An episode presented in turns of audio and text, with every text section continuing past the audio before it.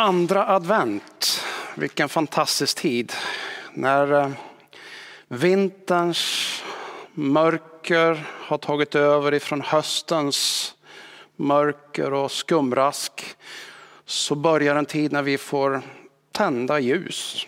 Vi eh, sätter upp stjärnor, för visst har väl kanske du satt upp en stjärna? Det har vi gjort hemma hos oss och det lyser sedan en vecka tillbaka och det är fantastiskt. Det är en tid när vi alla får tända ljus, tända stjärnor och där vi får, eh, ja, men vi får värma oss eller lysas upp och uppmuntras utav ljuset.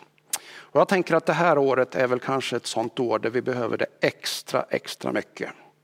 När, eh, när ofta så får vi sitta hemma. Vi har inte möjlighet att umgås. Och då tänker jag att det är fantastiskt att vi kan få tända ljus, vi kan få tända stjärnor. Och idag så får vi mötas på det här sättet, där du sitter framför din skärm, vart du nu än är. Jag tänker att den här adventstiden, den är för alla människor, oavsett vilken bakgrund du har. Om du är en, en person som aldrig har satt din fot i en kyrka eller om du kommer ifrån en, en helt annan trosuppfattning än vad man vanligtvis har i en kyrka, så, så kan alla ändå vara med och fira advent. Och jag vill bara dela lite kort om vad adventstiden faktiskt handlar om. Advent är ju ett ord som betyder ankomst och vi, vi pratar ofta om att vi väntar på ankomsten. Ankomsten av vem då? Jo, utav Jesus som föddes. Det är en tid när man genom ett par tusen år i stort sett har liksom firat den här tiden för att påminnas om det enormt stora i världshistorien som hände. Att Gud blev människa och föddes i ett enkelt litet stall eh, och kom hit med ett speciellt uppdrag. Just att sprida ljus, att sprida hopp till oss i vår tillvaro. Så advent det är en tid av väntan och det är också lite grann en tid av nedräkning. Vi har ju idag tänt det andra ljuset och de kommande söndagarna så kommer vi tända ytterligare ljus. Och när fjärde ljuset är tänt, då vet vi att då är julen där. Då är det liksom som födelsedagsfesten ska börja. Så vi har nedräkning för födelsedagsfesten utav kungarnas kung Jesus Kristus. Den här söndagen så är kyrkoårets texter också lite inriktade på just det rike som Jesus kommer med. Det finns ju profetiska texter som handlar om att det kommer en tid som kommer vara annorlunda. Det kommer en Messias, en räddare, en frälsare och det kommer en kung som kommer att komma med något annat än det som vi är vana vid och än det som människorna på den här tiden när Jesus föddes var vana vid. Och vi ska återkomma lite grann om just vad det här riket möjligen kan innebära för någonting. Några män, vi vet inte hur många de är, kanske tre, men det kan vara fler också. Eh, de kom ifrån Österns länder, någonstans Persien eller i nuvarande Iran eh, skulle man kunna tänka sig. Eh, det var visa män, de var duktiga på det här med stjärnor. Eh, och eh, ja, vad de skulle kallas idag vet jag inte riktigt, stjärntydare, men förmodligen mer än så. De, ja, men de var förmodligen kungar i sitt land eller hade åtminstone en väldigt uppsatt position. Och de hade möjlighet av att liksom ta tid till att studera vad är det för någonting som händer. Jag tänker det är intressant eh, därför att den kristna tron så tänker vi att det är Gud som har skapat himmel och jord. Åtminstone säger Bibeln det. I begynnelsen skapade Gud himmel och jord. Och i sin skapelse så har han liksom lämnat spår, tydliga spår efter sig. Ni vet ett konstverk som en konstnär målar sätter konstnären spår efter sig själv. Det kan vara den speciella stil som konstnären har, men det finns oftast också ett namn av något slag. Och de som är konstkännare har oftast inte svårt att ta igen, ja, men den här, det här konstverket det är gjort av just den här konstnären. Och det verkar som att i det stora konstverket som hela skapelsen utgör, där har Gud som är skaparen satt sina spår.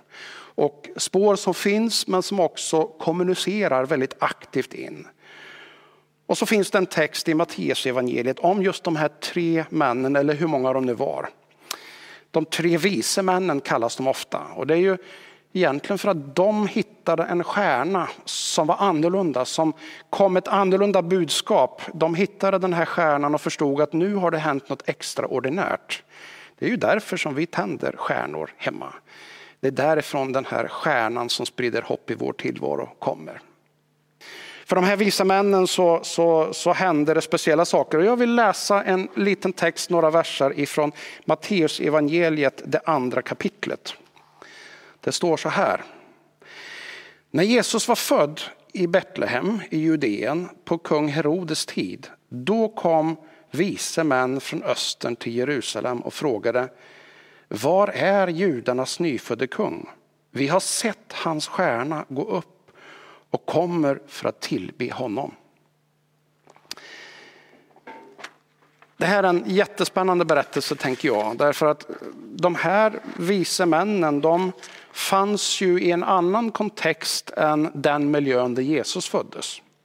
De hade förmodligen kanske en annan tro eller annan tradition, annan kultur i hur man närmar sig det gudomliga. Men de uppfattar väldigt tydligt på den här stjärnan, det är något speciellt som har hänt. Och för dem så blir det naturligt, åh, har det här hänt? Då måste vi gå dit och visa vår respekt. Då måste vi gå dit, måste vi söka reda på den nya kungen. Och så tar de sig iväg och förmodligen har de ett ganska stort följe med sig. Man kan läsa i senare delen av texten med de här gåvorna som de kommer så var det inga fattiga människor. Utan de hade förmodligen ett stort följe utav kameler och tjänare och ja, ett helt entourage som följde dem. Och så söker de sig till kung Herodes som är alltså kung eller lydkung under det romerska väldet då, i området eh, där Jesus har fötts. Söker de sig dit för de tänker att han måste ju ha koll på om det har fötts en ny kung. Och han blir ju fundersam. Vad är det här för någonting? Han är lite sådär som person lite rädd och, och, och, han har till och med varit beredd att liksom röja undan människor i sin närhet för att ingen ska hota hans position. Och så kommer det några kungar eller några stora viktiga personer ifrån östern och säger att det har fötts en ny kung. Och så börjar han fråga runt bland de skriftlärda och så säger de samstämmigt, ja men det är i Betlehem, det är där som Messias, alltså den kommande kungen ska födas. Och så ger han dem instruktioner att söka reda på det här lilla barnet och så berätta för mig sen. Och så lämnar de här visa männen och de söker sig efter det de har sett. De har inte sett Jesus, men de har sett hans stjärna, de har sett tecknet efter Jesus. Och förstår att det är något stort och det driver dem i att söka. Och så går de, jag vet inte om de går både dag och natt, men de går och följer stjärnan ända tills de hittar Jesus. Och då är Jesus inte i ett slott eller i ett palats, utan Jesus ligger i, ett, i, i en krubba eller i ja, i ett stall, en plats där djuren håller till. Väldigt annorlunda. Men det är så tydligt det de har sett. Så det finns ingenting i texten som gör att de ifrågasätter att det här verkligen skulle vara Jesus. Utan de böjer sig ner och de visar sin respekt till det här lilla barnet som de förstår, det här är den nya kungen som har kommit. Det här är något alldeles extraordinärt och speciellt. Jag vet inte vad du har sett för någonting runt omkring dig. Jag vet inte om du har öppnat ögonen och öronen och liksom tittat efter, finns det några speciella tecken, finns det några budskap i skapelsen som säger någonting mer om skaparen? Om du inte har gjort det så skulle jag vilja uppmuntra dig att göra det. Jag har gjort det många gånger. Jag önskar att jag skulle göra det ännu fler gånger. För varje gång jag gör det så ser jag någonting utav den här enorma storheten. Alltså jag blir varse om att den Gud som har skapat himmel och jord, han är så mycket större. Så mycket större än vad en människa kan fånga eller beskriva, vad jag kan fånga och beskriva. Han är så mycket större än vad någon kyrka eller kyrkofamilj kan beskriva. Ja, han är så mycket större än vad någon religion kan beskriva. Gud är bara större helt enkelt. men så fascinerande att söka sig närmare. En stjärna har tänts. Sökandet efter kungen som följer den stjärnan, det tog de här vise männen på största allvar. Och frågan är, vad tar du på allvar? Tar du på allvar att i den här tiden faktiskt söka dig lite bortanför den där stjärnan som har tänts? I din närvaro, i din tillvaro. Det finns något mer. Den här tiden och den här stjärnan som tändes och det som det följde med sig, det är en tid som är fylld utav hopp och som bär, bär spår och förväntan och an, alltså den kommer med förebud om att det finns hopp. Och det tänker jag att vi behöver mycket av i den här tiden. Hopplöshet är bland det värsta som finns. Och jag har den här senaste veckan fått höra berättelser om människor som i den här situationen som vi lever just nu har upplevt det så väldigt hopplöst. Eh, kanske någon som, som inte har några anhöriga överhuvudtaget och maken dog för, för eh, många år sedan och så upplever man sig så ensam, så ensam. Det finns inget hopp. Jag måste nog avsluta det här livet. Den upplevelsen finns hos många. Jag vet inte om du har tänkt den tanken, men har du det så vill jag bara säga så här att det finns hopp. Det är inte så mörkt som det förefaller just nu. Det finns en stjärna som lyser också för dig. Det finns en stjärna som kommer med hopp in i din specifika tillvaro. Jag tänker att evangeliet och den här adventstiden kommer med hopp. Och det Jesus representerar är just ett sånt hopp som är tänt för dig. Inte bara för människor som brukar gå i kyrkan, inte bara för människor av ett speciellt slag, inte bara för människor som verkar vara lite speciellt religiösa. Nej, det är ett budskap som är precis för dig, där du är just nu. Jag har den senaste veckan, eller förra veckan, så, så låg jag i sängen. Då var jag knockad eh, i någonting som mm, troligen inte var covid, men eh, för det visar inte resultaten i alla fall. Men, men något liknande och jag låg och hade, orkade inte göra speciellt mycket men jag orkade lyssna och jag lyssnade på en väldigt spännande ljudbok. Den är skriven av en journalist och författare som heter Charlotta Rört. Och, eh, hon kommer från Danmark och hade levt ett vanligt, väldigt sekulärt liv, uppfostrad i en ateistisk kontext. Och som journalist var hon tränad i att ifrågasätta allt, ställa frågor och granska och analysera. Och så är hon på en resa i sitt jobb och så kommer hon in i en kyrka i en rundvandring som är och så där och då så bara drabbas hon av en upplevelse som är så oerhört stark. Och guiden som var turledare på den här turen, han ser att något speciellt har hänt med henne efteråt. För han beskriver det som att det lyser om dig. Det är något annorlunda som har hänt. Och så berättar hon i sin bok hur hon söker, vad är det här för någonting, den här upplevelsen som jag har varit med om, vad är det för någonting? Hon möter psykologer, psykiatriker, teologer och forskare av olika slag för att söka en förklaring. Och där hon landar i att det här är Jesus som jag mött en ljus gestalt som möter henne bara där. Och hon förstår egentligen inte någonting av vad han säger. Men hans närvaro är bara så där oerhört stark. Och hon upplever det som att den där närvaron kommunicerar att precis som hon är så är hon så oerhört älskad. Ja, men hon är så lycklig i hans närvaro, som den lyckligaste stunden som hon har haft. Eh, så upplever hon det. Och så återkommer hon i sin berättelse om hur hon mötte denne Jesus och hur det påverkar henne och hur det liksom styr om hela hennes liv till att komma att fokusera på att söka och försöka och lära komma närmare denne Jesus. Jag vet inte om du eh, har fått något sånt möte som Charlotta fick. Eh, men jag är övertygad om att du kan få göra ditt möte med Jesus. Jag tror att du kan få göra ditt möte, ditt hoppfulla möte, där du bara drabbas av hans nåd. Där inte orden är det viktiga, men bara hans närhet gör att du känner, jag är älskad precis som jag är. Jag får ta emot den nåden. Jag får komma precis som jag är. Behöver inte klä upp dig eller någonting. Hon hade inte sökt i andlighet på något sätt. Hon var inte alls liksom lagd eller intresserad åt det hållet. Men det bara drabbade henne där och då. Och tänk, det kan få hända oavsett om du är en sån som har sökt efter Jesus eller inte.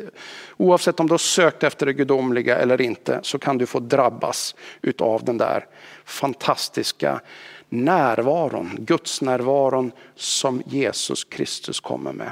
Och som hela den här adventstiden och julen i grund och botten handlar om. Bibeln beskriver Jesus just som en Messias, som en räddare, som en, eh, en kung med en ny tid, ett nytt rike. Ett rike där inte det är järnmakt som gäller, ett rike där det är kärleken istället som regerar. Ett rike där det brustna istället får helas. Ett rike där inte det är det starkaste som alltid eh, dominerar utan istället där det svaga får resas upp. Ett rike där den minsta är den största, där barnen har den viktigaste positionen. Ett väldigt spännande rike. Det finns en bibeltext som Paulus, aposteln Paulus skriver till romarna. Alltså en församling eller en grupp människor i Rom. Och han skriver så här. Må hoppets Gud fylla er tro med all glädje och frid och ge er ett allt rikare hopp genom den helige andens kraft. Hopp och kraft och frid. Tänk vilka fantastiska ord att smaka på i den här tiden. Och det är precis det som evangeliet, nyheterna om frälsarens ankomst Jesus Kristus. Det är det som han vill komma med. Det är det den här tiden handlar om. Och jag bara önskar att du skulle få chans, att du skulle ta dig tid, att du skulle lyssna in. Vad är det Gud har att ge till dig och säga till dig i den här tiden? Jag har gjort någonting som jag aldrig har gjort förut. Jag har bett många böner i mitt liv, men jag har formulerat en bön som jag skulle vilja att du ber tillsammans med mig. Det är en bön som jag har kallat för adventsbön 2020. Eh, och jag skulle uppmana dig att du ber den tillsammans med mig. Du kommer se den här i bilden eh, medan eh, jag ber den. Och så får du be tillsammans med mig och så kommer den på våra sociala medier så kommer den här bönen också finnas. På hemsidan kommer du kunna hitta den och du kommer att kunna hitta den på, på både Instagram och på Facebook eh, som stöd. Och du kan ju naturligtvis gå tillbaka till den här inspelningen här och titta på bönen. Den bön som jag skulle vilja uppmuntra dig att vara med och be. Oavsett om du beskriver dig själv som en troende eller inte, om du inte vet om det finns en Gud eller inte, så skulle jag vilja uppmana dig, testa. Testa och be den här. Och, ja, det vore ju fantastiskt om du ville be den en gång varje dag under en veckas tid och se, vad händer? Är det så här att du får chansen till ett sånt här extraordinärt möte med frälsaren? Det kanske händer. Jag vet inte vad som händer, men jag skulle vilja uppmuntra dig att be. Och jag är övertygad om och jag vet att när du ber, vilket du riktigt vet om du tror eller inte, så hör Gud. Och han kommer att möta dig där du är. Ska vi be tillsammans? Gud, himmelens och jordens skapare. Till dig sträcker jag mig ödmjukt. Mitt förstånd räcker inte att förstå. Men jag anar din närvaro och att du är så mycket större än vad någon människa, kyrka eller religion kan fånga. Tack för att du har tid med mig. Kom mig nära och lys med ditt ljus in i min tillvaro och fyll den med din frid. Ge mig mod att ta emot ditt hopp så att också jag kan förmedla hopp. Hjälp mig att ta emot din kärlek så att jag kan ge den vidare. Speciellt till dem som behöver det allra mest. Amen. Gud välsigne dig.